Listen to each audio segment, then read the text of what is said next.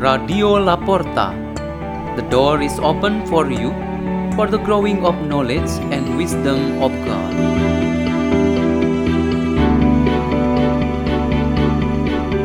by Erik Stedy from the Church of Santo Yohanes Bosco, Jakarta, Indonesia.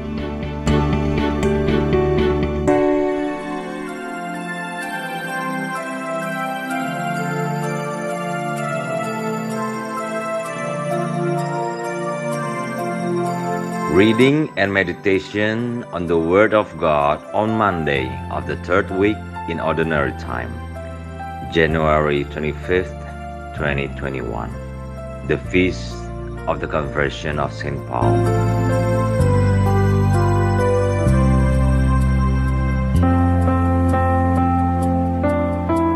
The reading is taken from the Acts of the Apostles.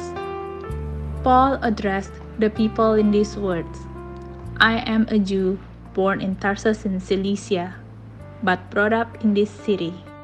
At the feet of Gamaliel, I was educated strictly in our ancestral law and was zealous for God, just as all of you are today.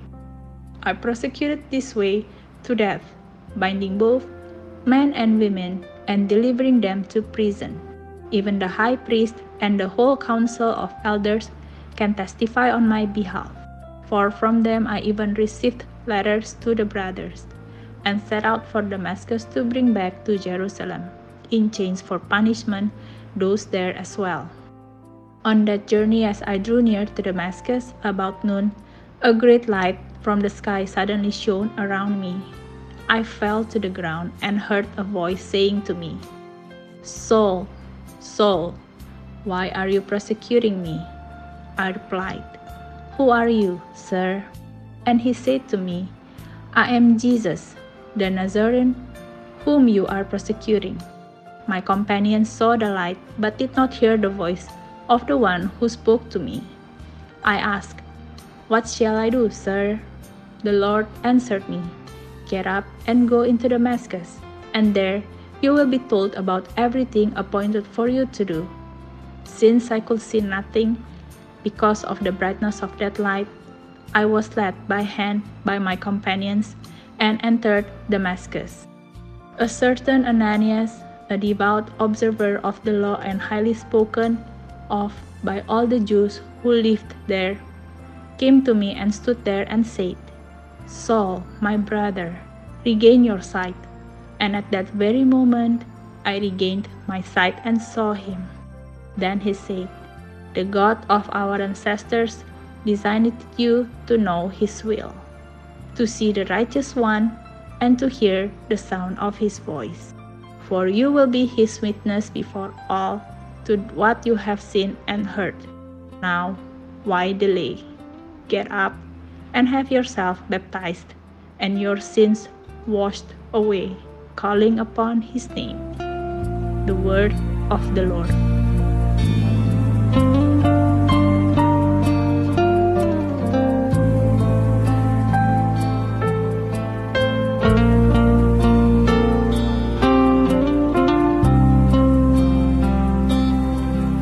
The theme for our meditation today is When the Eyes Open. We want to explain this theme from two points of view. From a physical point of view, it shows how the two eyes open and able to see around with pleasure. Another point of view is the spiritual one, which deals with certain mental or spiritual ability. A spiritual sight, of course, goes beyond the physical eyes that occurs through the help of divine power. At the moment of St. Paul's conversion that we celebrate today, as his feast day, we witness two abilities of seeing from Paul himself. The two viewpoints are certainly different, but in many ways, they must need and support each other. We want to reflect on how the two complement each other. We want that our eyes remain healthy and to function well in seeing. The function of our eyes is not only to see things or people at a time and in a place. Besides, we can see what is around us. There should be also awareness and sensitivity within us that are able to collect data, then to be directly processed by the mind and accepted by the heart. The next process would be the decisions we make in order to justify what we have seen to be something good, right, wrong, good, beautiful, challenging, or dangerous. These outcomes of our sight and our awareness of them are to be illuminated by the gift of faith and guided of the Holy Spirit, in which we can see it again in a deeper process, namely seeing and understanding with the spiritual ability. So our physical eyes prepares data or material for a process of the spiritual eyes which ultimately brings about a new truth. We can just imagine if our physical eyes are not able to justify something to a good one. For example, on choosing a vocation for life, then the spiritual process of this choice will not happen as expected. Likewise, the spiritual side and understanding really need the ability of the physical side so that the goodness and truth of faith can be well put into practice. We know well that mercy, brotherhood, and generosity are very noble virtues that the Lord wants us to practice them in our lives. How can we practice them rightly and fairly? If the eyes of our bodies are not open to the sinful person to be forgiven, the sick person to be comforted, or the person desperate to be given hope.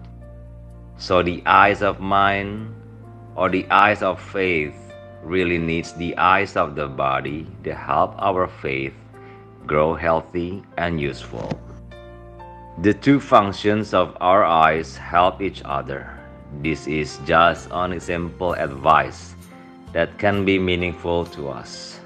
Let us use our eyes of the body properly and correctly, because it is the La Porta, or the door that gives us way to come to God. Let's pray in the name of the Father, and of the Son, and of the Holy Spirit. Amen. O Jesus Christ, may our eyes not bring us into sin, but always look upon the glory of God in us and around us.